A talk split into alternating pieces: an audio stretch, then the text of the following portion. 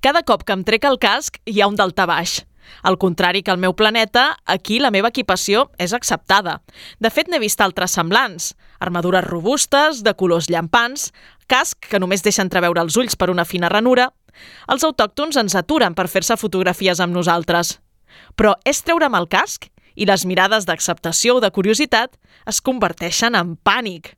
Poc que ho sabia jo, que a la Terra no hi havia persones amb antenes i tentacles sortint del cap.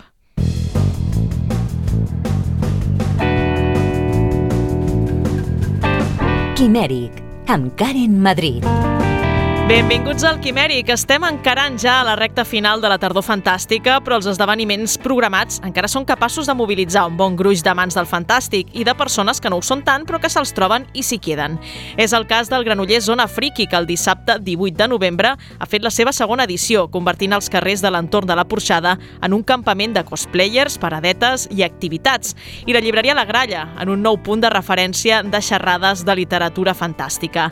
A uns quants quilòmetres de Granollers, a Roses, el Festival de Curtmetratges Fantàstics Vall de Fes celebrava la seva sisena edició i ho feia batent rècords de públic i amb molt bones sensacions entre els assistents. Dels dos esdeveniments us en farem una extensa crònica avui recollint el testimoni d'assistents i convidats com sempre. I acabarem el programa recomanant-vos el nou llibre de Thomas Olhubel, Eco. L'autor de Hex ha passat per la llibreria Gigamesh a presentar el seu sisè títol i us n'acostarem algunes de les seves declaracions. És el que donarà de si el setè quimèric d'aquesta vuitena temporada que fem possible amb el Toni González a les vies de so, l'Iker Mons i la Marina Tovella a la producció i la Clara González a les xarxes socials. Comencem. Al Quimèric tenim un gran poder, però cap responsabilitat. La crònica del fantàstic.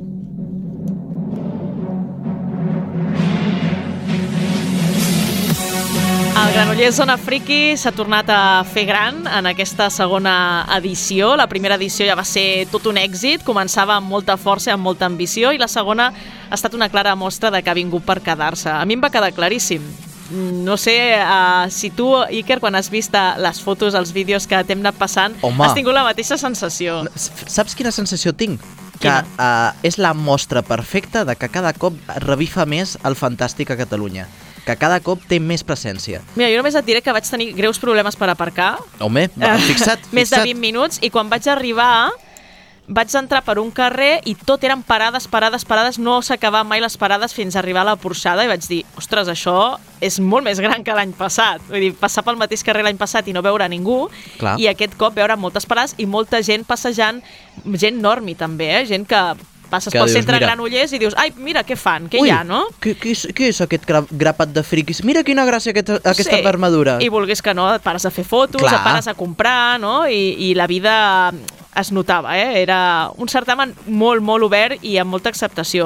I la gralla, com sempre, va ser com el punt de, de trobada, la cita, Mhm. per la part literària. O sigui, van haver diferents xerrades al voltant de la literatura del fantàstic amb diferents convidats des de primera hora del matí fins al vespre. Hem de dir que nosaltres eh, només vam poder ser fins a primera hora de la tarda, perquè després vam anar cap al Vall de Fest, o sigui que Suïcidi mortal, Sí. bàsicament. Uh, ens agrada fer quilòmetres, ens agrada cobrir el fantàstic, teníem un deute també amb el Vall de Fes, ja en parlarem, i, i s'havia de fer. Però en tot cas uh, vam intentar doncs, donar aquesta cobertura extensa també al Granollers Zona Friki, sobretot perquè l'any passat ja vam veure uh, cap a on anava aquest esdeveniment, li augurem un gran futur, ens van tractar molt bé i creiem que, que anirem repetint.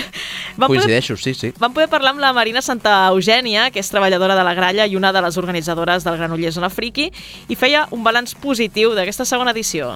Ja només veient el nombre, per exemple, de parades i de cosplayers que han vingut, ja ha sigut tot un èxit. Um, o sigui, hi ha el doble de tot. Hi ha el doble de cosplayers, el doble de parades, per tant, ja entenc, entenem que la primera edició va ser un èxit i que la gent volia repetir aquest any. De moment és al migdia, però crec que veient lo plens que estan els carrers i tal, torna, tornarà a ser un èxit, esperem. I que sigui l'any com per consolidar-lo i seguir-ho fent. Perquè realment hem de ser realistes i al final eh, no som rics, hi ha un pressupost limitat i, i per tant seguir creixent eh, penso que també és, és com... No, no és el nostre propòsit. Aquest any es tractava de consolidar-lo i per tant per això hem intentat créixer una mica no? i que hi hagués més parades, més cosplayers, però jo crec que és una mica el format que volem i jo penso que mantenir aquesta línia ja seria un èxit rotund. Anem cap a la porxada, perquè poc Vale. després de les 11 del matí ja hi havia un ambient que déu nhi eh? O sigui, poc m'ho esperava jo trobar-me el que em vaig trobar que era la porxada plena, molt moviment, molta gent i molt d'interès. Hi havia fans del Fantàstic, com deia, però també famílies. Gent que normalment passa per allà i I diuen... dius, mira, ja que estem aquí, doncs, Què m'han muntat doncs mirem. aquí? Ens què quedem, m'ha- ens m'han- quedem. Què m'han muntat aquí? Sí, hi havia molta gent que preguntava, no? Qui sou, què feu? I això també és, és fomentar el fantàstic entre la gent normi o fins i tot gent que no... Home, però no li diguis així. Són normis, està clar que són normis, són gent que no sabia ni que existia aquest esdeveniment, llavors són normis. A veure, un dels reclams pels, pels normis i pels no normis són els cosplayers, perquè és molt cridaner, no? funcionen molt bé, aquestes sí. armadures aquesta, estan molt currats, a, a més temàtics, i entre ells teníem els de Star Props i vam poder parlar amb una de les seves integrants, la Raquel. Doncs mira, de Star Props hem vingut 22 membres. Eh, vam vindre per primera vegada l'any passat, a la primera que vam fer, i com l'any passat ens van tractar tan bé, eh, quan ens han convidat, doncs aquest any hem vingut més gent encara. Eh, és un event eh, que aquest any, o sigui, s'han esforçat el doble, n'hi ha més associacions, eh, n'hi ha una programació molt més completa, i bueno, aprofito per donar-li les gràcies als de la llibreria La Graia per el que ens tracten i, i ens fan sentir com a casa. Què és el que feu eh, els dies que esteu en un esdeveniment com aquest? Doncs mira, a Star Proof som una associació sense ànim de lucre que el que fem, eh, recreem els personatges de Star Wars, vale?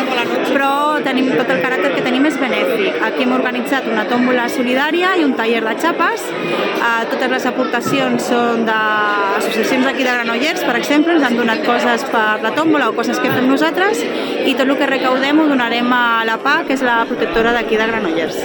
També vam trobar una entitat de nova creació, Ispahammer Cosplay. El seu president, Alberto Azor, ens va explicar qui són. Warhammer són un grup d'amics que ens agrada el joc de Warhammer, que és de miniatures, i ho hem portat a escala 1, que podien dir, i és nosaltres el que fem això. I Spahammer ens dediquem a moure'ns per els events, també disfressats, i normalment fent sorteig benèfics a entitats. Avui també esteu fent sortejos aquí? Avui no, avui ens toca, només hem vingut aquí per participar amb el poble de Granollers i en aquest event, que és la segona vegada que es fa, i és important fer poble. Vosaltres és el primer cop que veniu per això? L'any passat vaig vindre jo, que en el concurs de cosplay, només per la tarda, i aquest any he demanat de poder muntar el fotocol i estar aquí amb els companys de la grupal. Estàs veient interès cap a la vostra entitat, tot i que doncs, sou de nova constitució i encara doncs, heu d'explicar una mica qui sou? Nosaltres eh, som una grupal d'amics que ens hem juntat perquè ens tenia en comú i ara estem fent una associació benèfica, sense ànim de lucre, ja saber fer socis i poder anar als jocs amb més cara i ulls, podríem dir. I llavors és gent que li agrada el cosplay i li agrada el Warhammer. I se s'ha s'ha costat gent dient, ostres, doncs jo vull formar part de l'entitat. No, hi ha molta gent que ha jugat a Warhammer. Eh, per exemple, jo tinc 47 i molta gent de la meva quinta ha jugat als, a el que són les ninos, al joc, i la gent sap de què anem disfressat, no tothom, perquè a vegades em diu si vaig un Robocop o sóc un Transformer, però hi ha molta gent que es reconeix també. El que fan a les colles d'amics, eh? Sí, sí, és que començ... Tots, el Quimèric va néixer així, també, Clar, eh? Una nit tonta mirant Una trailers honestos i acabes fent un programa Unes de ràdio. braves, és que l'excusa sempre són les braves. I tant, I de i- sobte, amb quatre cerveses ja tens un projecte muntat. Quan tornem a fer braves no, de, no descartem que surti un Twitch també després d'això, eh? Ui, sí. Perquè ja... Bé, tornem a la porxada perquè també hi havia un escenari on van fer diferents mostres de ball i música, mira, com a l'estil que, que ens vam trobar a Figueres, no? Sí. I tenien un speaker molt conegut dins del món del fantàstic. De fet, el Sí, Quimèric... sí, el, el, el, el coneixem, sí. A Luigi Lights, a, al Quimèric li tenim molt de carinyo perquè hem de dir que el primer acte que vam cobrir com a Quimèric, que era un aniversari de Star Trek, ell ja ens va venir a donar la targeta, ens va incloure en el seu cercle i em va fer molta il·lusió veure l'ara set anys després, amb, amb, amb el pas del temps de cara a ell i de cara a mi, no? perquè jo crec que potser cap dels dos ens hauríem reconegut segurament. I, I mira, li vaig preguntar una mica què feia per allà. Eh, he vingut en qualitat de, pues això, de showman, de DJ, d'animador, eh, farem concursos també. Eh, també estic eh, com a representant del Club de Star Trek d'Espanya, que sóc el vicepresident, o sigui que fa, fem una miqueta de tot per animar aquest event, que és molt, molt xulo, i que recomano que vingueu aquí a Granollers a veure'l. No, aquí la gent de Granollers és molt... Eh, té un, un tarannà molt participatiu de, de, de qualsevol activitat que, que es faci, eh, i la veritat és que a més en aquest, en aquest joc tan maco que és la porxada i ens acompanya el temps també perquè temíem de que pogués ploure per sort de moment no que plogui a partir de demà eh? que ha de ploure, això és veritat però la veritat és que és molt, molt xulo, molt xulo i, i recomano, recomano aquest event perquè és, és obert, la gent va pa, passejant pels carrers, eh, va coneixent les botigues, les associacions que estem aquí també pues, pues, donen una miqueta de, de color. Aquesta tarda farem un concurs de cosplay també i al final farem una mena de fin de fiesta, un poc de música i tot això. I uns metres més enllà, a les paradetes, vam trobar l'autor del cartell d'aquesta segona edició del Granollers Zona Friki. I, mira, que jo no ho sabia, resulta que també és el creador del cartell Apa! del 42 de l'any passat. Apa, curiós! Sí. I també em va fer gràcia que quan me'l van presentar, a nosaltres ja ens coneixia. I era com... Eh, la fama me precede, no? I va ser bastant... Una mica, és que ets molt important, Karen. Que, que va, que aquest tio sí que és important, no jo. Uh, li vam preguntar una mica com havia creat aquest cartell i també doncs, uh, sobre la seva trajectòria com a il·lustrador.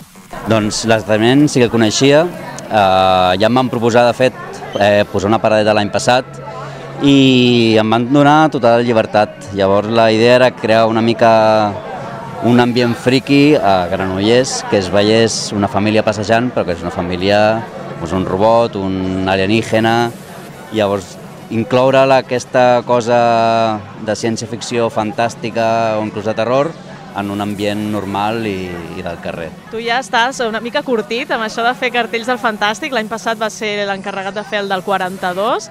Què suposa per un il·lustrador il·lustrar Fantàstic? Home, a mi m'encanta. A més, tot el que he begut de petit amb els còmics, amb les pel·lis de ciència-ficció, de terror, poder-ho plasmar a la meva feina i, i a més que em paguin per això, doncs és brutal. També il·lustres portades, cobertes de llibres. Eh, amb què estàs ara?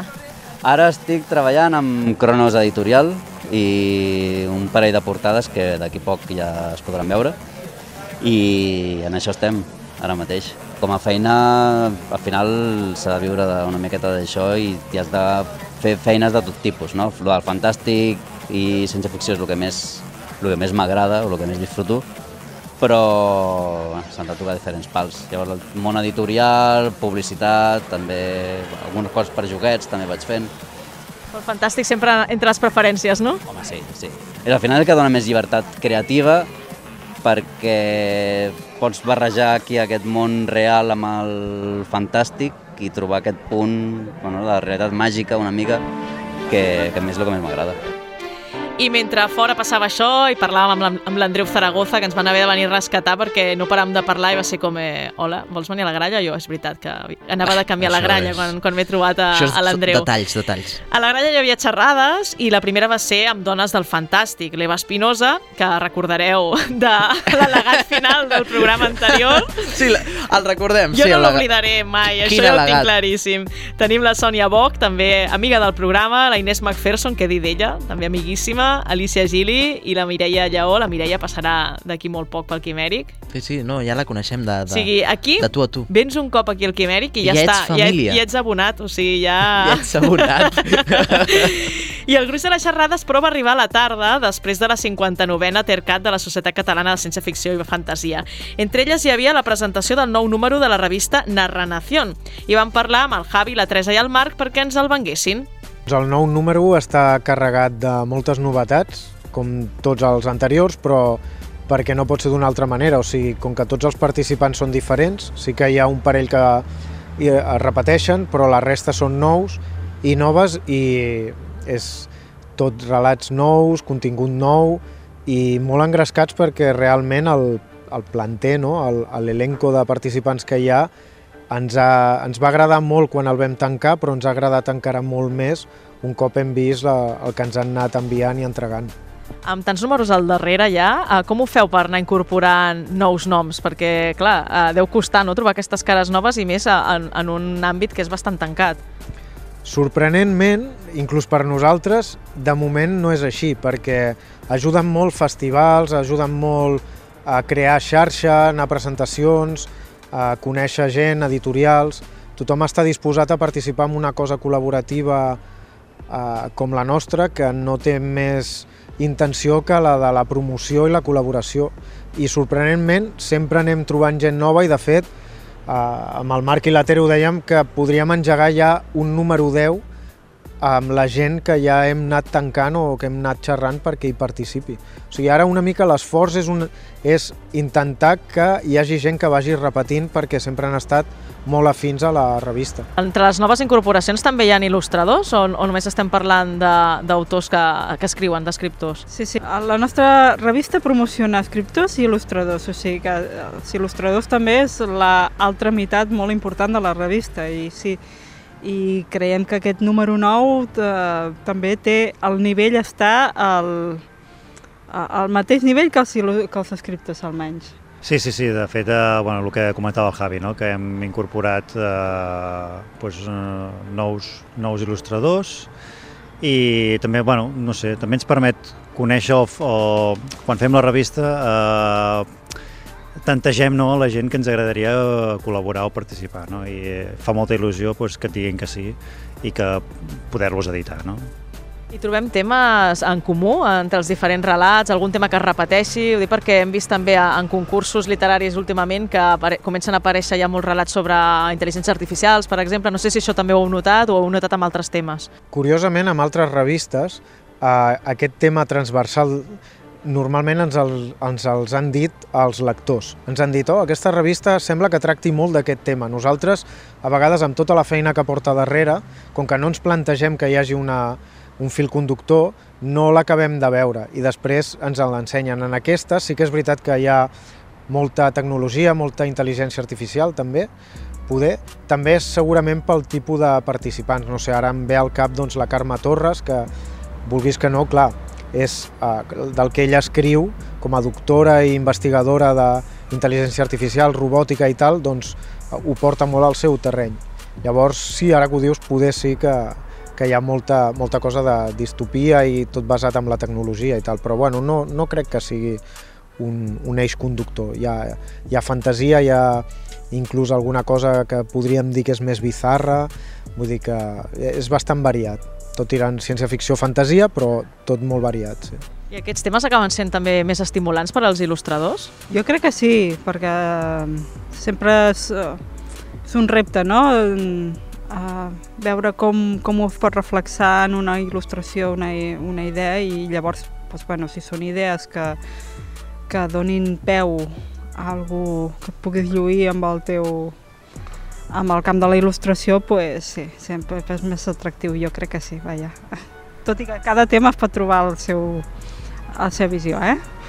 I per últim preguntar-vos com esteu compaginant aquests altres projectes que han nascut en paral·lel amb la revista, com el podcast que ara teniu en marxa, eh, si això us ha costat de l'esforç que dediqueu a una cosa i amb l'altra, si heu hagut de descompensar alguna cosa? Doncs aquí eh, ens, ens recolzem molt d'ajuda a la part de la revista som el Marc, la Tere i jo, bàsicament, però per la part de la ràdio o podcast ha entrat la figura de la Laia Rubio, que és copresentadora, codirectora del programa. Sense ella no es podria fer, perquè amb aquestes coses doncs, eh, el Marc i la Tere, per exemple, estan més aïllats d'aquesta part, això ens dona la potència de poder-se dedicar més a la, a la revista, i la Laia ens ajuda amb la part de la ràdio, que és això, que, que ens, al final anem fent com una mena de comissions, no? quan fem un acte cultural, quan fem una presentació, intentem buscar, igual que la revista té un caràcter col·laboratiu, quan fem altres actes també. I això de la ràdio va, va començar com una cosa a veure què passava i bueno, ara estem amb la tercera temporada i super engrescats. Una altra de les xerrades tops d'aquesta jornada era la dels traductors del Fantàstic, amb el Lluís Delgado, el Jordi Llavoré, l'Edgar Cotes i l'Anna Llisterri. Aquí va ser quan ja no em vaig poder quedar a la xerrada, però vaig aprofitar la sobretaula d'aquesta Tercat les, les Tercats, per clar. poder parlar amb el Lluís Delgado i amb l'Edgar Cotes. Bé, jo de fet venia de literatura juvenil i alguna cosa havia fet de fantàstic, com Ready Player One, però de fet vaig començar aquesta última estirada que estic bàsicament especialitzat en, en fantàstica i ciència-ficció, per un llibre de mai més, que era Així és per la Guerra del Temps. Va estar circulant molt de temps buscant traductor i es necessitaven dos traductors i el vaig agafar a mitges amb la Rosa Borràs, o sigui que ara de moment està retirada, però en aquell moment, o sigui, la vam agafar i a partir d'aquí doncs, bé, van arribar altres projectes com Neverwhere, de Gaiman i, i des d'aleshores, doncs, bàsicament m'he centrat això, en fantàstica i ciència-ficció, sí. Sense renunciat a la, a la juvenil, però sí, de moment... Sí, jo de fet no he traduït, no he traduït res que no sigui de gènere. Vaig començar amb, amb algun conte a la Catàs i això, i, i de, després ja va sortir el primer llibre que, que va ser el llibre de contes de Mike Resnick, um, que va vindre com a Espanya fa 2017, potser, i llavors sé que l'any següent van treure un recull de contes i a partir d'aquí doncs, vaig, vaig començar a, també també perquè la gent que conec i els editors que conec són de gènere, llavors és com que, com que ja, ja, ja tot ve, és com un cercle viciós, no? un, un peix que es mossega la cua, i llavors vaig començar a partir d'aquí. Sí. Què direu que és el millor de traduir gènere fantàstic i què direu que és el pitjor? Per mi, tant el millor com el pitjor és el fet que probablement sigui el tipus de traducció que suposa més... Bé, que és més estimulant, però alhora també que és més complicada eh, traduccions de gènere fantàstic, com per exemple els contes de Ted Chiang, són molt satisfactoris de fer, però també donen molta feina. Diguem que seria potser, de vegades és eh, poc rendible, perquè necessites molta documentació, són autors que treballen molt la documentació i la preparació del que escriuen, i, i bé, bàsicament diria que és això, o sigui, de, per una banda són molt satisfactoris, però per altra banda són molt complicats de fer. Sí, estic d'acord amb, el, amb el Lluís i crec que també hi ha, la, hi ha el punt de, de que els gèneres fantàstics inclou tantes coses com la filosofia, com la, mm, com la ciència mateixa, ja tantes coses a les quals documentar-te que, que has de tindre ja un cert coneixement i una certa voluntat de voler traduir gèneres fantàstics perquè si no eh, es pot fer una cosa molt feixuga. Jo crec que és, que traduir és fantàstic fins a un punt fins i tot que pot ser una cosa vocacional, no? que, perquè eh, t'implica una, capacitat, una capacitat també de lectora com, com també el lector gènere fantàstic necessita una capacitat, una capacitat lectora i una voluntat de, eh, de, de, que, de trobar-te un, un repte, una cosa complicada, doncs com a, com a traductor encara es, es duplica la cosa, no? I crec que has, has de ser molt militant també per voler eh, corregir, ai, corregir o traduir, també corregeix, um, gènere fantàstic. Parleu de la necessitat de documentar-vos, però també hi ha un element que, que hi ha en el gènere fantàstic i que no hi ha en altres gèneres, que són les paraules inventades no? pels autors, eh, per conceptes nous, per conceptes que eh, especulen sobre el futur. Com us afronteu aquestes, aquestes paraules? Hi ha una part de creativitat pròpia com a traductors? Eh, mireu què han fet altres traductors en altres llengües? Sí, jo crec que, de fet, mirar textos paral·lels, o sigui, que han fet els traductors en, en les altres llengües que es dominen, no? En el meu cas, per exemple, quan tradueixo català, acostumo a mirar si hi ha traduccions en castellà o en francès. Sí, pot servir d'inspiració, però en realitat sí que hi ha una bona, sí, una bona part de, de tot plegat que és també la nostra pròpia imaginació. És a dir, en certa manera has de fer el mateix procés que va fer l'autor o l'autora i aleshores eh, bé, jo m'ho plantejo moltes vegades quan hi ha coses inventades com traduir poesia. És un punt en què has de potser has d'aplicar una mica més de tu mateix que no pas amb, amb altres tipus de, de traduccions, no? Però sí, Sí, arriba un punt fins i tot que és com una cosa lúdica, no? que, que ja afegeix com diversió a la traducció i, i com que um, et sents com més participi de, de, com a traductor no? i com més, com més important, entre cometes, perquè, perquè és un, ja trobes un repte no? I, i si has d'imitar una cosa um, doncs ja, ja portes molt més de tu i, i també em diu molt d'un traductor com s'inventa les paraules i com juga amb això, no? perquè al final acaben sent una decisió molt, molt personal i, i vulguis, malgrat que vulguis ser tan molt proper a l'autor, sempre acaba sent una cosa molt personal i molt més lúdica del que sembla. I què és el pitjor que us heu trobat com a traductors? L'anècdota que diguis, Buah, és que en aquell moment quasi hauria decidit no, no ser traductor. No, moltes vegades, a veure, o sigui, sobretot quan hi ha llibres molt, molt feixucs, no? O sigui, quan tens un llibre molt feixuc, molt dens, et pot arribar a tocar, si pots arribar a arrossegar-te durant, durant una bona temporada sabent que tens un llibre molt complicat al davant, no? Eh, I de vegades, o sigui, també és una mica el que comentàvem abans, de vegades fins i tot amb llibres que són, que són molt satisfactoris, com el que comentava, com el que he esmentat abans, el de Així per la guerra del temps, o sigui, et pots adonar que realment estàs gaudint una traducció, però alhora que has de pagar les factures d'aquell mes i, i que fas molt poques pàgines durant un mes perquè estàs eh, centradíssim doncs, això, amb textos molt poètics, amb textos on, hi ha, on precises molta documentació, per exemple. Sí, primer, la, la cosa dramàtica de ser traductor és que tens una data límit i per tant, um, quan cada cop que s'acosta és, és, per mi és una, una, una ansietat horrible, saps? Perquè ara, ara estic traduint una cosa i, i l'he d'entregar d'aquí un mes i dic, me falten 200 pàgines, merda, merda, merda. I ho has d'entregar, saps? Vull dir, és, és com que has, és aquest punt, sí que pots dir, bueno, un, uns dies més, però és com, tu prens com una responsabilitat. I ja com a repte més lingüístic, he traduït Lovecraft, és a dir, que ja...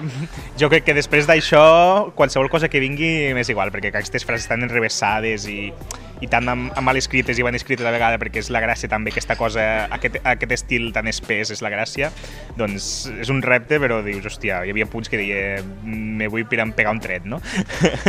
I ja per últim preguntar-vos, eh, creieu que realment s'està fent una aposta ara per la traducció de qualitat en català? Ho dic perquè anys enrere la traducció al català pràcticament doncs, era una mica o, o, o inexistent o molt low cost i, i també com que s'ha fet aquest boom del gènere, igual si s'està contractant traductors que estan a l'alçada de, del repte que això suposa. Jo sí, suposo que a nosaltres no ens toca dir si estem a l'alçada del repte, però sí que fem el que podem. Però sí que és veritat que o sigui, les noves editorials estan apostant fort per intentar donar un producte de qualitat.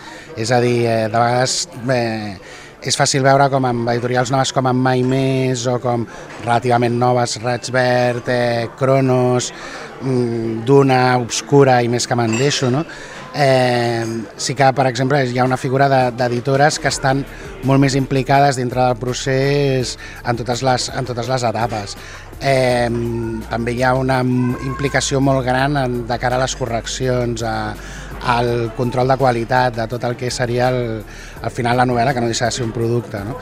Eh, sí, o sigui, definitivament s'està treballant d'una manera diferent recentment i, i s'està intentant aportar una... O sigui, sobretot en el gènere, podríem dir, que és, que és en, el que, en el que estem treballant ara mateix, però sí que podríem dir que això, que s'està tractant molt la qualitat, o sigui, s'està cuidant molt la qualitat de, de les novel·les que es tradueixen. Sí, sí, estic completament d'acord amb el Lluís i a sobre jo crec que s'està arribant a un punt que es creen traductors especialitzats ja en gènere fantàstic, no? El Lluís mateix vull dir, quasi pràcticament només tradueix gènere fantàstic i, i ja és com un nom que ja penses en traduccions gènere fantàstic, ja penses en el Lluís o amb l'Anna Llisterri, no? que tens com traductors um, que, que ja es, dediquen, es poden dedicar a això. Jo ja soc, jo soc una mica més encara um, principiant, no? em faig més poquets a, a l'any, perquè també sóc més corrector que traductor. Però, però és com que també, en el meu cas, um, almenys sabe, si, si m'agafen a mi és, és perquè també tinc com una passió pel gènere fantàstic i crec que també pots aportar una cosa com també com a molt lector del gènere fantàstic. Quimèric als festivals. Doncs ja heu vist que el Granollers Zona Friki eh, ha donat molt de sí, però després nosaltres vam agafar el cotxe, vam fer més quilòmetres i ens en vam anar cap a Roses. Ostres, però quina gana ens, ens deixes amb aquest sobretaula. es anaven sentint les copes Clar, de fons, eh? A veure, des del 16 al 19 de novembre es va fer a Roses la sisena edició del Vall de Fest. A Roses? I feia molt de temps que teníem pendent d'escapar-nos a aquesta cita. Ostres, era un requisit uh, ja, eh? És que, a veure, Uh, a través d'amics comuns d'altres festivals vam conèixer el Tito i l'Ester, que són els, els organitzadors del Vall de Fest. Ens havien vist a molts festivals, sí, des del sí, Cardo no. Terror a, a Figueres, a sí, sí. Cultura, a, no sé, a, a l'Overlook, no? I al final era com, a veure, Haurem us estem veient a tots moment, els no? festivals menys el vostre i, i havíem d'anar-hi havíem d'anar-hi i la veritat és que em va encantar uh, l'ambient que vam viure si puc repetiré uh, l'any que ve Primera perquè tot i haver crescut, i es nota que ha crescut com a festival per l'assistència que hi havia almenys el dissabte, uh -huh. uh, l'ambient era familiar, no? Era de... estem entre amics, hi ha una tolerància entre nosaltres, hi ha un feeling entre nosaltres, fins i tot encara que no ens coneguem, Clar. i això genera molt bon rotllo tant a l'hora de veure les projeccions com les activitats paral·leles que es van, que es van fer. Nosaltres vam veure uh, curs distribuïts en diferents sessions, la primera que vam veure va ser peculiar, poso moltes cometes, perquè hi havia doncs, algunes propostes una mica arriscades. Em, em quedo amb una eh, que es diu Nada de Nada, que, que és, una, és una nada d'olla completament perquè veiem un supermercat que, que, que és de gent justeta, i no em refereixo a un supermercat que sigui una cooperativa de discapacitats, no, no, o sigui, gent que pretén ser normal i no ho és, no? I en aquest, en aquest supermercat arriba un fugitiu de la justícia i són tan lerdos que ni se n'adonen, no? I, I hi ha tot com una trama aquí de, de absurda, no? De converses absurdes que no porten en lloc i penses, on està anant això? I la veritat és que em vaig quedar una mica traumatitzada. Hosti, que faltoso. No, no, la veritat és que em va agradar, però aquella sensació de dir està tan al límit, saps? De... Ui! Sí, sí, està ben fet, però és, és faltón alhora, no? És com... Uh, o sigui, no sé, no, no, encara, encara S'està estic... pixant al límit, eh? Estic deliberant una mica encara què n'opino.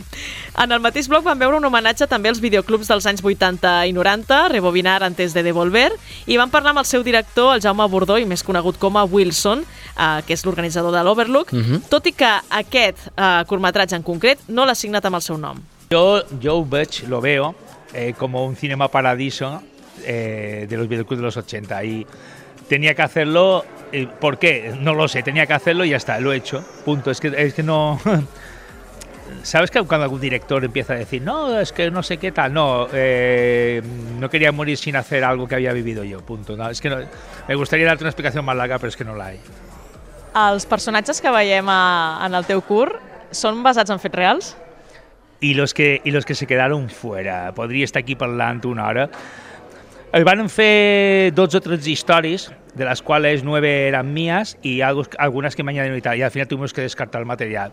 Però és tan o sea, autèntic i, i la gent que lo pueda ver de, de ya 40 para arriba, 40, 50, eh, se han reído porque saben que eran, era tal cual. Pues, eh, va a ser una, una historia, una moguda. ¿Sabes cuando dicen, dice Madrid de los 80, la movida madrileña? Pues fueron los videoclubs y curiosamente fueron los videoclubs de, de toda España, aunque yo no me sienta muy español, ¿vale? Pero fueron la- las movidas que, que ocurrieron durante lo que he dicho yo antes en la presentación. Durante un momento, gente sin graduado escolar sabía de cine y fue un momento estelar. Yo, yo recuerdo tener discusiones y tal, o sea, fue único. Los que estuvimos ahí sabemos lo que fue y punto, punto. I per tu com ha estat mm, recrear un videoclub? Perquè deu tenir la seva dificultat tenir en compte que ja no existeix cap, cap estructura no, de videoclub. Yo no soy mucho de la dirección artística, pero este corto el 80% es dirección artística. Vull dir, tuvimos que crear una, el Smoke Comics de, de la calle Carma de Deu, sí, Virgen de Deu, no, bueno. Y fueron 24 horas de trabajo des- desmontar, montar y luego viceversa, rodar, rodamos en 9-10 horas el corto y luego desmontar y volver a montar. Perquè pels oients que no ho sàpiguen, clar, és una llibreria, amb la qual cosa heu hagut de fer el, el videoclub al damunt no, de la llibreria. Es una, es una librería, tienda de cómics donde yo aproveché lo que él tenía y me di cuenta que me recordaba el videoclub. Y entonces lo hablábamos con él, que él tenía libros y tal, porque claro, curiosamente él, él es de, también de mi época, de mi etapa y tal, y lo aceptó y tal. Y entonces claro, fue recrearlo desde cero sin tener nada. I les caixes de, la, dels, de les cintes són reals o no? O són fetes per l'ocasió? Eh, tristemente o agraciadamente soy coleccionista y yo las tengo. O sea, però m'ha hagut gent que em va ajudar i tot això, però està súper difícil, quiero decir. Cada, eh, hay igual unas mil películas que luego descartamos películas porque a mí no me gustaban, que las veía demasiado modernas, y al final se quedaron unas 750, 800, y fue un trabajo increíble. Tantes surten en el curt? Eh, sí, yo, yo, yo, yo conozco frikis de verdad que están parando el corto en pausa, les están contando, no, más que contando, están mirando los títulos que son y están flipando. Yo sí puedo decir a día de hoy, que ahora me toca moverla en festivales, no por mí, sino por el equipo, pero que en un año esa película es al YouTube y entonces es será cuando la gente va a poder verla, va a disfrutar de ella. Entre les particularitats que només podem veure en festivals com aquest hi ha la versió del monstre del llac Ness de l'Ebre. És que... Siluro es diu el curt. Siluro. A veure, ja deus sospitar qui hi ha darrere, no, d'aquest curt? Bueno, podem imaginar. És la, la productora Cutrefacto, eh, ja coneguda del programa, del Jacint Espuny, Uns màquines. i vam aprofitar per preguntar-li una mica com havia anat el rodatge de- d'aquest peculiar curt i, a veure, no queda curt d'anècdotes, diguem. No, doncs Jordi Romero va dir, eh, ja si vull fer alguna per la teva terra, i me va dir que volia gravar des del riu i que volia fer un cirulo mutant i no sé què, dic, hòstia, doncs dic, vine en posta, dic, allí tenim de tot i nosaltres tenim gent que té barques i això, tot, tot és gent del terreno i jo sóc producció. Vaig ajudar en, en tot el que em va dir. Ell me va portar el guió, me va portar els actors i em va dir necessito això. Jo li vaig preparar tot i, bueno, ja vist, no sé si l'has vist, però sortim nosaltres també. no sé, li van donar tot el que van poder i encantat. I ara ha dit que està plantejant-se fer el llarg, el llargmetratge, com li van donar tanta facilitat en tot, perquè els de Barcelona els ho picava un mosquit, ai, un mosquit, ai, no sé què, a l'aigua, uh, ha estat gelada, no sé què, i nosaltres tots plens de picades i en sangoneres, ja t'he dit, que estàvem dins l'aigua i sortíem plens de sangoneres, que no sé ni que existien. Jo quan era minut a la Rosal sí que en tenies, però al riu, i plens, tot plens. Que els de Barcelona van flipar, van dir, hòstia, dic, si aguanteu això quatre dies, dic, han de fer una pel·lícula amb vosaltres. I va, Vosaltres esteu curtidíssims ja. nosaltres sí, nosaltres som... Però van patir també, eh? No et cregues, que a partir de les 8 de la nit, que surten els mosquits, estaven rodant això i ells van patir, però nosaltres també. Que dius, hòstia, dic, som del terreno, piqueu en ells, no nosaltres. No, no, però van sortir tots, tots perjudicats. Però bueno, salsa con gusto no pica, que diuen, no? I a tu el que et va agradar de la idea també és poder fer una mica com un monstre del lago Ness però de, de, del riu, perquè clar, crear una mica de mitologia pròpia. Eh, per mi va ser el màxim, va dir, eh, un cirulo mutant. I dic, hòstia, i la central nuclear. I ja vaig veure, dic, això és cara de cutrefacto. I em va dir, tens algun actor que pugui estar tres dies dins d'un traje suant com un loco perquè eren premis d'estiu, allò en premis d'agost, me penso que van gravar. I sí, era el hijo del naranjo, el que surt a totes les meves pel·lícules, la meva musa, van dir, va, t'he ficat el traje. I van al·lucinar. Va estar tres dies en el traje ficat sense queixar-se per res. I dins l'aigua, suant, picant-li tot, i contents. I van al·lucinar per això. És, el mostro és de cutrefacto, és cacharrote, el que diem cacharrote, nosaltres. I com ha estat per vosaltres poder-ho projectar avui aquí, al Vall de Fes, que ha vingut bastanta gent i que la gent està molt entregada amb les projeccions? Sí, sí, ha sigut brutal. Ja Jordi Romero dit que no podia vindre, o si ho podia presentar algú, he vist Òscar Coma, dic, hòstia, Òscar, ajuda'm a, a dir alguna cosa, més que sigui, pugem. I estava Carles també dels efectes digitals i, bueno, doncs per mi brutal. I estava prou plena la sala, molt bé, molt bé. I la vam estrenar al Fango en posta, el cura este. I del Fest en posta ara s'ha modificat molt i ha guanyat molt. M'encanta. Com ha sigut això que es modifiqui després d'estrenar-se? perquè veus els fallos, una mica, ha sigut tot allò, i dius, hòstia, aquí podem fer això, aquí podem fer allò. I eh, ha sigut una crítica constructiva i Jordi mos ha cregut i el producte, el producte ha quedat molt bé. Però- Però des de lo que era a lo que és, brutal. I del segon bloc de curs a mi em va encantar, jo ja tinc preferit, eh? Co-hunting, Co-hunting. sobre companys que comparteixen pis amb un fantasma. Mira. I llavors, clar, és rotllo com un reportatge, com podria ser de televisió espanyola o, o un documental, i és com, no, perquè clar, 800 euros d'un pis a, aquí tan a prop del centre o és encantat o, o no el trobes, no? I, I de sobte és, és encantat. No, no, no, que, que es veu que és com... T'ho venen com si fos una, una moda de viure en pisos encantats perquè així són més barats i llavors hi ha tota la broma de eh, coses que els hi fa el fantasma, no? Rotllo, jo que sé, està rentant els plats i comença a sortir tota l'aigua amb sang. I diu, ah, ja està, otra vez, ja està Ja aquí. està, hòstia. O, o són tots vegans i comencen a trobar carn picada al terra, no? I estan allà netejant el terra de la carn picada i és com, és que lo hace pa joder, saps? És com...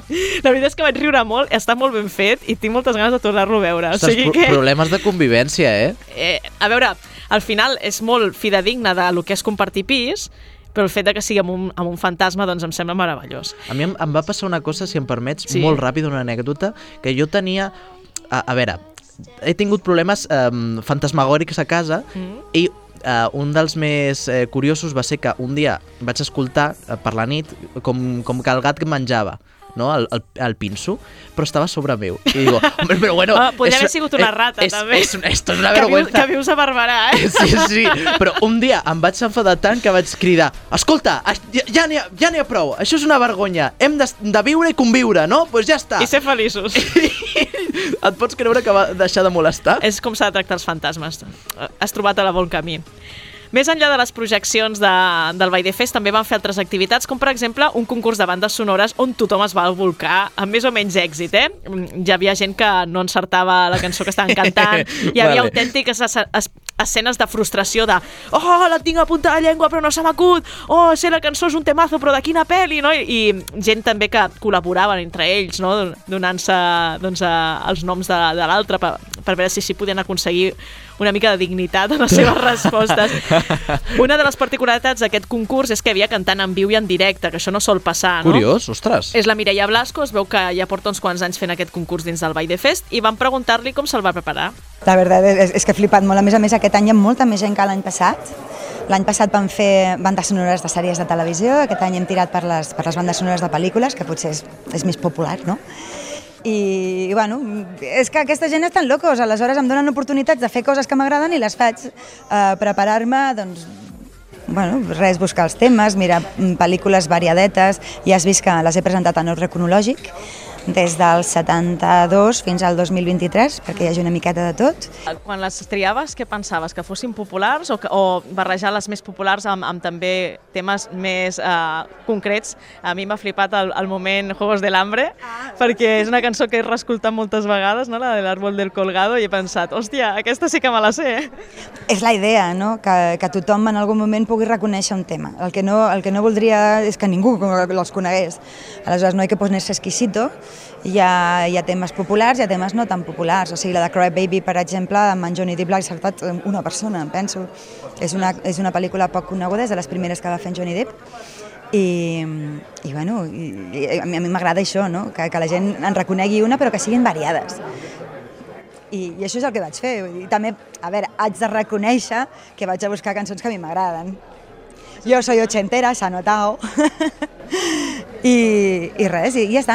Simplement això, i que sonin, que, que tinguin una miqueta de marxa, que la gent no s'avorreixi, que estiguin aquí una estoneta. Si t'has fixat, eh, les cançons no estan senceres, són només fragments, perquè així em pots presentar més i es fa més a més. I és la idea, mentre la gent està esperant entre bloc i bloc de pel·lícules, doncs que pugui passar una estoneta. Hi ha gent del públic que et segueix a tu com a cantant i saben més o menys la teva trajectòria i deien, ostres, aquesta cançó se surt molt del que està acostumada a cantar. Um, ha sigut un repte també per tu, algun en concret, de dir, mira, uh, se surt una mica del meu repertori, però és que l'havia de cantar. Saps què passa? Que eh, la gent es pensa que et coneix i no et coneix tant. Aleshores, eh, clar, a mi m'han vist fent espectacles de tot tipus. De fet, ja ho he dit abans, jo soc més actriu que no pas cantant. Però vaig estar en un grupet que fèiem swing i, i jazz i així. Que jo canti jazz i swing no significa que només canti jazz i swing. Aleshores, eh, jo soy rockerilla. I a casa meva eh, s'ha sentit, pues, mira, les cançons de Joey Cooker, de la Cindy Lauper, aquestes que he cantat, no, me dava igual la pel·lícula, o sigui, són, són bones i punto. Per tant, no, no, no és que jo no, jo no tinc un, eh, com diria, no tinc un tipus determinat, m'agrada cantar, doncs canto el que a mi m'agrada, el que a mi em diu. No? Hi ha cançons que me toquen molt la fibra, de Never Enough no l'he pogut acabar, però és una cançó que, que me toca moltíssim la fibra, la última No Time to Die, no sóc fan de la Billie Eilish, però aquest tema és molt xulo, aleshores vas tirant una mica coses que t'agradin i que pensis que la gent doncs, també els hi pot remoure una miqueta la tripilla, que no sigui perquè faci malament. I el diumenge el festival també va programar el podcast en directe dels companys del Farfric i gent sense criteri, que van parlar dels gremlins. A sobre ho has dit. M'has posat de veritat en el guió, eh? Que es diu així. Ah, el podcast es diu Gent sense criteri, de Far Friki, i van parlar dels gremlins i és molt divertit escoltar-los. Jo he escoltat avui precisament el programa, m'he estat descollonant pel, pel carrer, la gent em mirava estrany, però és que tenen un, un sentit de l'humor molt peculiar. I jo crec que fer un directe també també Ajuda. suma punts, no? Sí, sí, sí. Vam demanar precisament a en Filip Prim, en Pibe i en Marcos que ens expliquessin com va anar aquesta experiència. Hem parlat de Gremlins 1, Gremlins 2, curiositats, com va agradar, Uh, què en dieu? Res, la xerrada ha anat molt bé, és uh, un lloc uh, fantàstic, és un esdeveniment genial aquí a l'Empordà, i com que és a l'Empordà, no podíem faltar nosaltres aquí amb les nostres parides. I, bueno, molt bé la xerrada, no? Sí, sí, hem, resumit això, sobretot eh, el Marcos, que és l'expert en teòrica de cinema, ha explicat curiositats i coses concretes de, de, de Gremlins. Bueno, jo crec que tothom, tothom ha fotut cullerada, eh? Sí. Sí. Has aportat dades Ah, i números, que has aportat i números. números, números, que és el que números. t'agrada. Jo Ah. anava a dir dades i tu, no, no, són... No, no, no, els números són d'en Felip Prim, ja ho saps. Estem parlant d'una pel·lícula del 84 i una del 90. Sí. Veus com diu números? Números, I la sensació general del Ball de Fest que ho està semblant. Bueno, aquest any molt millor que altres anys, eh? o sigui, han, han, Molta gent ahir, el, el dissabte, el dissabte, dic dia d'ahir, la gent no se situarà, el dissabte molta gent, la veritat, van quedar molt contents i parats Sí. de, de la gentada que hi havia. I, i m'ha agradat que han fet una pujada de nivell, perquè altres anys, eh, fora, quan feien passe de curs, no hi havia el que hi ha aquest any a, a la sala, com diguem, d'espera. Aquí al hall Sí. han cardat eh, artistes que estan venent una mica la seva obra i això ha donat una mica més de... O sigui, està emplenant molt més la cosa. Mi m'ha agradat molt i jo crec que està pujant el nivell. Jo per ser el primer cop que vinc, perquè no havia vingut mai, he trobat un festival fantàstic, eh? He pogut venir a comptar hores comptades, però... Són d'aquests festivals que a poc a poc cada any veus que van evolucionant i fan un pas més i aquest any realment se'ls ha notat i estan molt contents. Penseu que els ha vingut eh, gent d'Estats Units, gent de Madrid, gent de Barcelona, expressament perquè havien portat el seu curt aquí. O sigui, això és un sí, a vegades. Gent, gent d'aquí al voltant costa de moure's i et ve gent de fora. I això és molt important i apoyar sobretot els festivals de, de la zona de quilòmetre zero.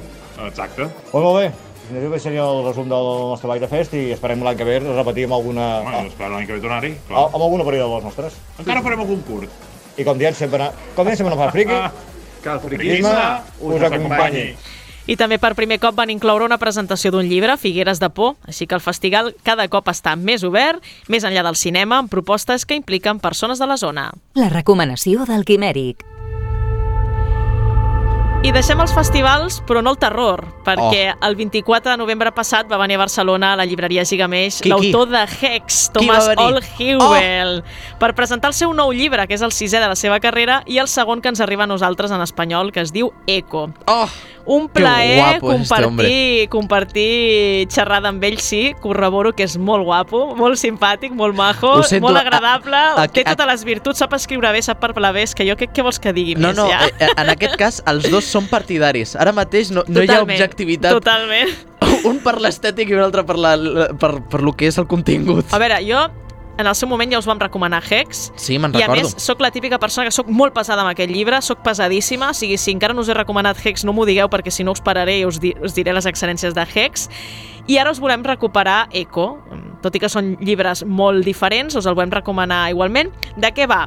Doncs tenim un alpinista que se'n va pujar el Maudit, un monte maldito, Vale. i baixa amb, sense mitja cara, ha tingut un accident i ha Com perdut tot. mitja cara.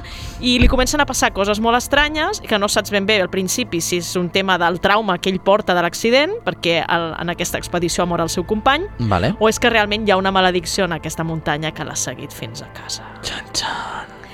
A veure, um, treure Eco després de Hex ha de ser molt dur, perquè Hex ha sigut un bestseller, ha rebut un munt de premis a nivell mundial, molt reconeixement, Sí. i clar, treure Eco era, Quina pressió, no? era pressió i ell la va admetre. La verdad es que fue bastante eh, difícil, ¿no? Porque nadie te prepara para las vicisitudes de- del éxito. Y yo la verdad no, no, no me esperaba lo, lo que pasó con, con Ex, eh, sino se tradujo a 25 países diferentes. Es que incluso mi, mi héroe de la infancia, Stephen King, hizo un tweet ¿no? sobre este, este libro. Todos mis sueños de niño se, se estaban haciendo realidad. Y yo la verdad sentía una, una presión muy, muy grande por tenerme que reinventar, por no, por no poderme eh, repetir, porque claro, ¿cómo iba a superar un libro eh, como ese? Y bueno, la verdad es que fue, fue, muy, fue muy difícil tener que, que estar con, con esa presión que sentía. A la primera escena del llibre ens presenta un terror molt semblant al de Hex. Uh, ens trobem una noia no? que i es desperta a mitjanit i, i hi ha gent a la seva habitació, no? Coi. gent sense ulls. Tot i que després la història se'n va cap a una altra banda i agafa un terror bastant diferent. En Thomas va explicar d'on va sortir aquesta primera escena. Yeah, that that first scene has scared a lot of people. I know. um, a, mucha gente. Eh, la verdad es que se me ocurrió eh, una, una noche, ¿no? La habitación que, que describo en la novela es realidad también eh, mi, mi propia habitación, es donde, donde yo vivía. Entonces una, una buena noche me, me desperté para ir al baño y al ir a, a bajar las escaleras me imaginé que había un montón de gente bajo las escaleras y vaya, pegué un bote del susto y me volví a la cama. Y claro, me dije, son ima- imaginaciones mías. Volví a las escaleras pero me pregunté, ¿y si siguen ahí? Y no solo eso, ¿y si se, se acercan? Y vaya, que me asusté muchísimo, pero bueno, al fin y al cabo son, son imaginaciones, pero sí que esa, esa primera escena es parte de, de una experiencia real.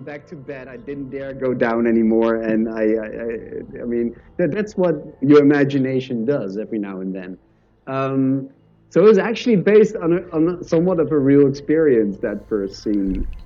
L'autor és escalador Clar. i, i Eco veu precisament molt dels terrors que s'experimenten a la muntanya. També es nodreix, però, de les històries populars. There was one time that I was climbing when I was younger. When I was taking mountaineering courses, I always was with mountain guides. Antes, cuando, cuando era más joven y subía montañas, había guías que, que me ayudaban, ¿no? Y siempre me contaban sus supersticiones y sus creencias locales. Y, y había una, una vez que, que me contaron que cuando alguien pues está subiendo una montaña y cae y se muere, que es algo que realmente pasa, para cuando llegan los, los trabajadores que, que, lo, que lo van a rescatar, ya no, ya no tienen eh, ojos. Y yo me preguntaba, ¿por qué? Es algo realmente espeluznante, ¿no?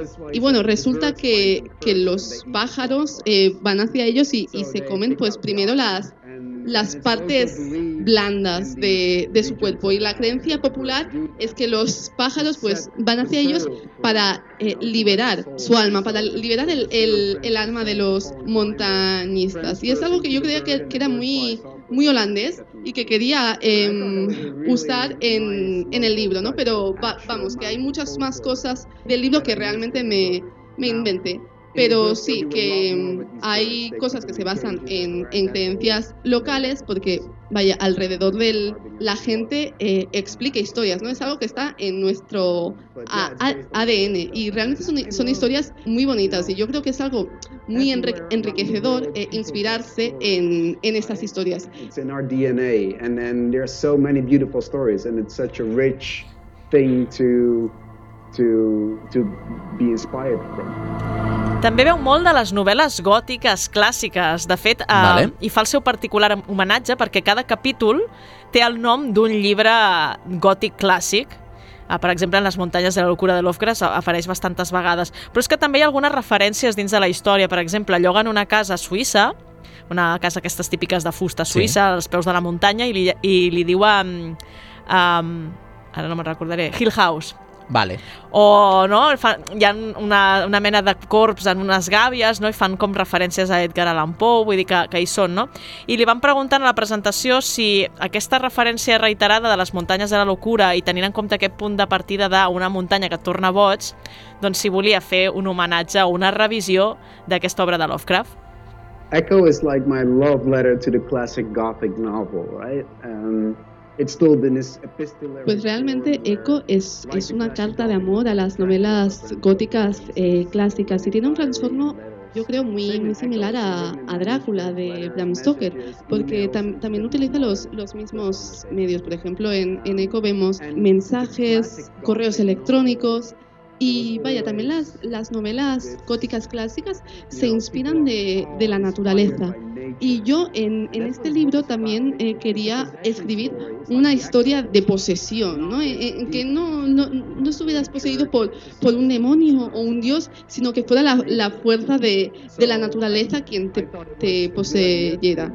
Entonces, titulé los, los capítulos en referencia a los que para mí habían sido las, las novelas eh, clásicas góticas más, más importantes, como por ejemplo eh, Cumbres Borrascosas o Las Montañas de la o, o, también otros libros de, de Edgar eh, Allan Poe. Entonces sí, hay un, hay un montón de, de, referencias y también en el, en el epitafio del, del, capítulo hay una referencia a lo que va a pasar en el, en el mismo capítulo. Entonces a, la dificultad eh, también estaba un poco en cómo montar este puzzle. Entonces, como decía, era un, un homenaje a las, a las novelas clásicas góticas, pero, también a los escritores que, que están vivos, ¿no? Como Clive Barker y, Stephen King, eh, pero también a, a, dos más, a Shirley Jackson y a otro que no puedo decir porque no se han, se han vendido los, los derechos eh, eh, aún, pero en cuanto eh, tenga el permiso lo diré. Those. But they all gave me permission, which was really nice of them.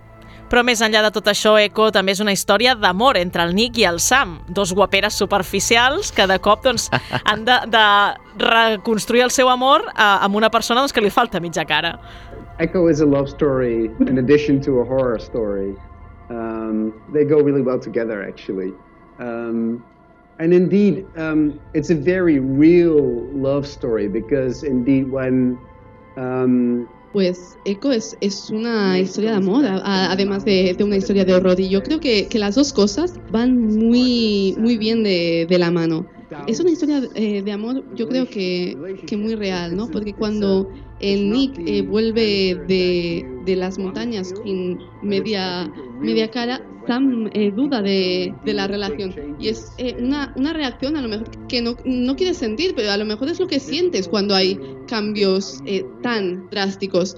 Y vaya, que es, siempre cuando le pasa a otra persona, siempre dices que, que, no vas a reaccionar así, ¿no? Y siempre le dices a tu pareja que te voy a querer hasta el fin de los tiempos, te voy a amar siempre, vamos a estar siempre juntos. Pero vaya, que es muy diferente cuando, cuando te pasa a ti, ¿no? No, no, no puedes hablar de, de, lo que te va a pasar hasta que, que encuentras con ellos, ¿no? Y entonces, pues, cuando Sam vuelve, tiene muchas eh, dudas, pero al final, vaya, eh, vuelve y se enfrenta a, a, los desafíos que le supone esa relación. Entonces, bueno, está ese, ese temor real a no reconocer al otro. ¿Tiene sentido lo que estoy diciendo? Uh, the challenges that they pose as a relationship. So um, he chooses the right thing, of course. But I think that that's that's a reality in love that we don't always want to recognize. Does that make sense? Yeah. Us el recomanem si us agrada el terror, buscar una novel·la addictiva, malrotllera i també amb moltes referències literàries de la cultura pop i amb punts d'humor destacats provinents tots de la forma de ser del Sam. En Freddy, en Jason i en Chucky ja han sintonitzat Quimèric. Fins aquí el setè quimèric d'aquesta vuitena temporada. Tornem d'aquí 15 dies amb una crònica del Saló del Manga i del Witch Market. No us ho perdeu, adeu-siau!